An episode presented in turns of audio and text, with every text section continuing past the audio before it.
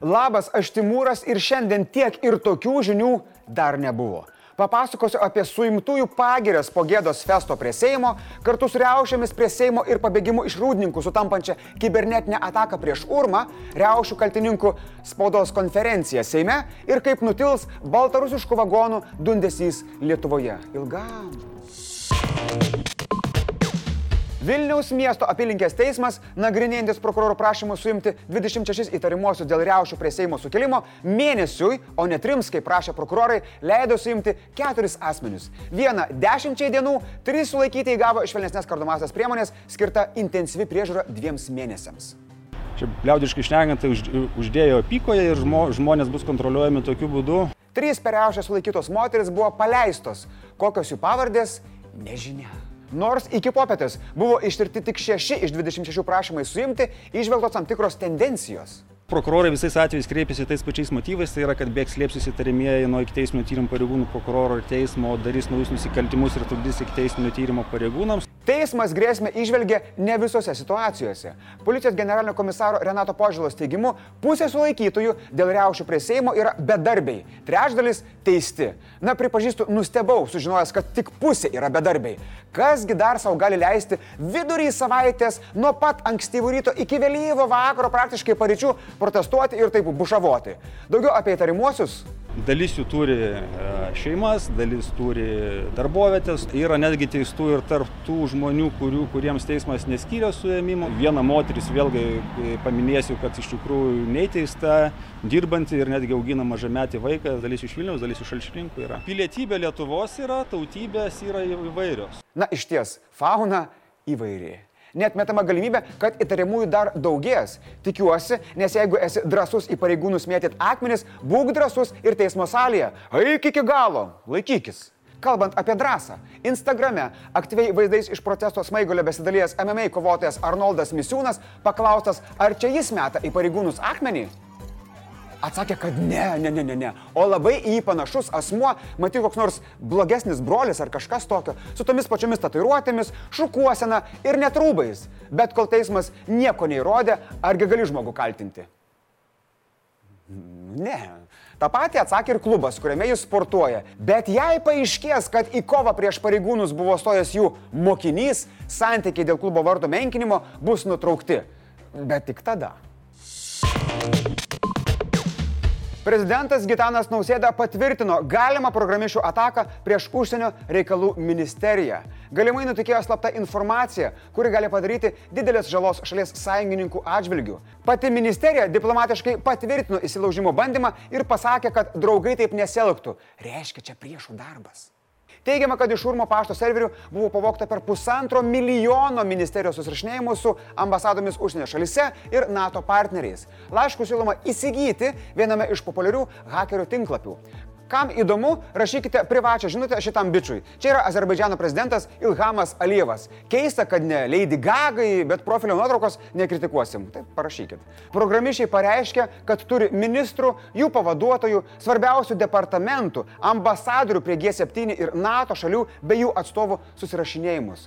Juose atskleidžiamos JAV paslaptys apie Europą, Joe Bideno bei kitų šalių vadovų slaptų darybų detalės, intrigos prieš Rusiją, Vokietiją ir tą Nord Stream 2. Atsiprašau rašant. Pasak įsilaužėlių, susirašinėjimuose taip pat aptariami santykiai su Baltarusija ir Kinija. Tai, kad duomenys autentiški, kibernetiniai nusikaltėliai patvirtino įkelę skenuotas pažymas apie leidimą dirbti su įslaptinta informacija, susirašinėjimus elektroniniu paštu ir urmo darbuotojų sąrašą.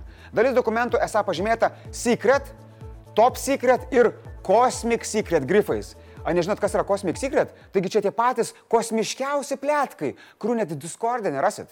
Neišvelninti, nei dramatizuoti situacijos nenorintis nausėda ragino susirūpinti duomenų apsaugos kontrolę. Vat jau dabar. Jeigu gandai pasitvirtins, tai nebus pirmas svarbių dokumentų nutekinimas urme.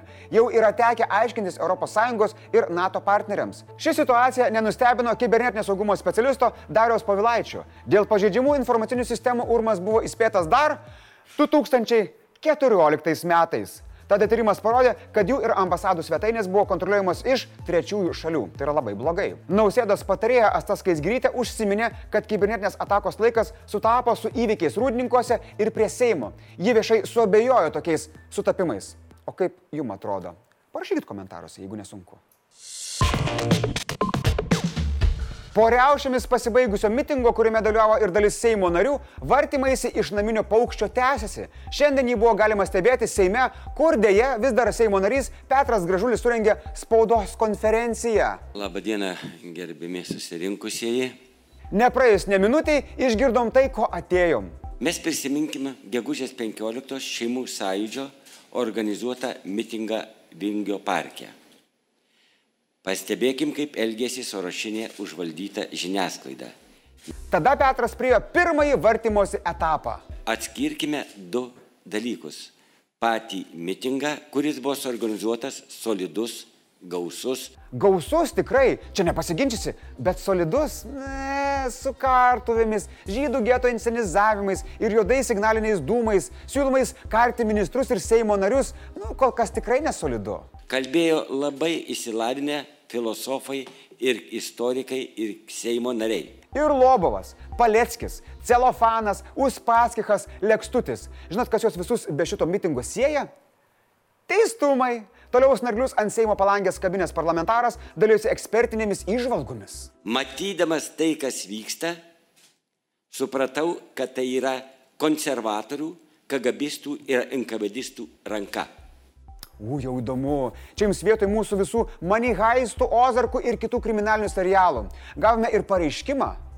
Faktiškai darau išvadą, kad šitas reušės sukurstė provokatoriai profesionalūs greičiausiai samdyti VSD arba NKVD, nu, KGB mūsų ir konservatorių.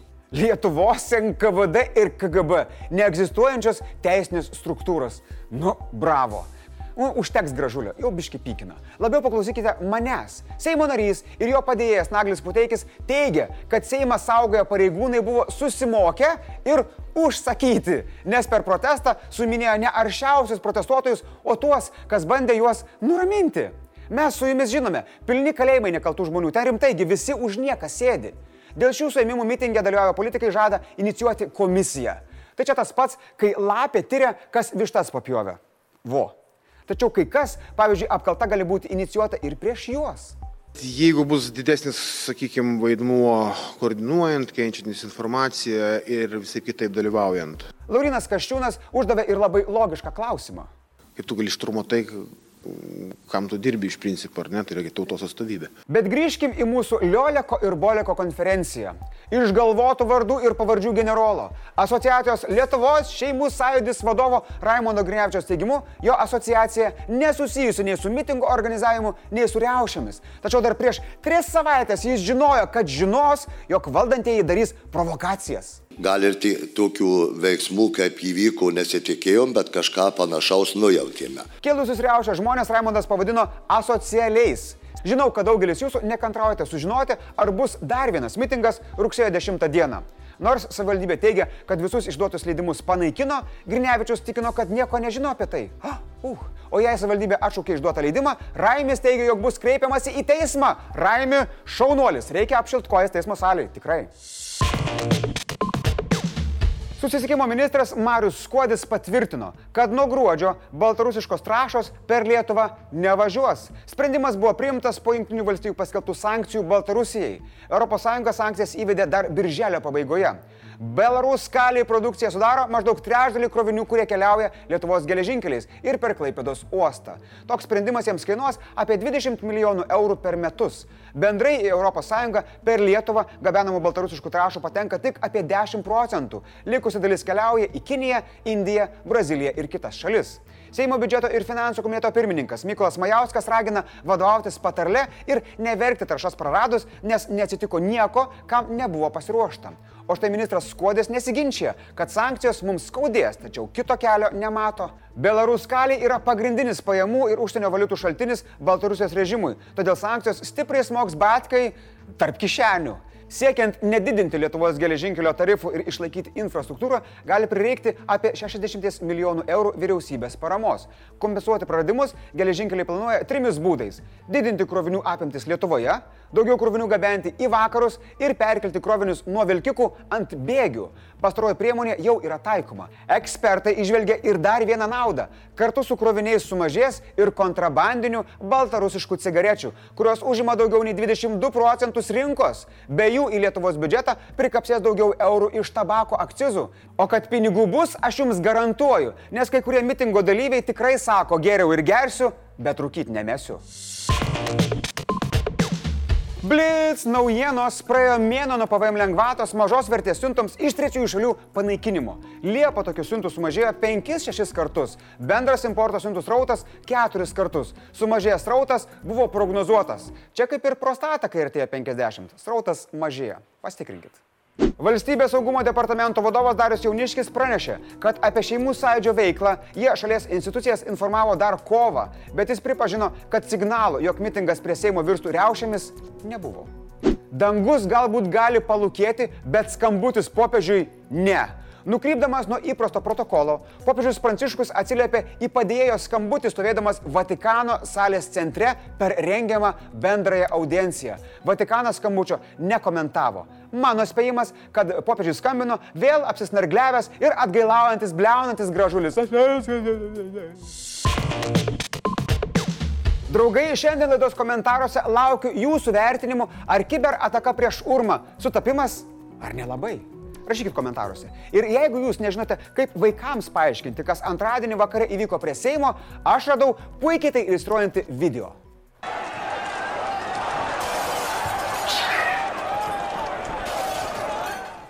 Šiandien tiek žinių, iki pirmadienio.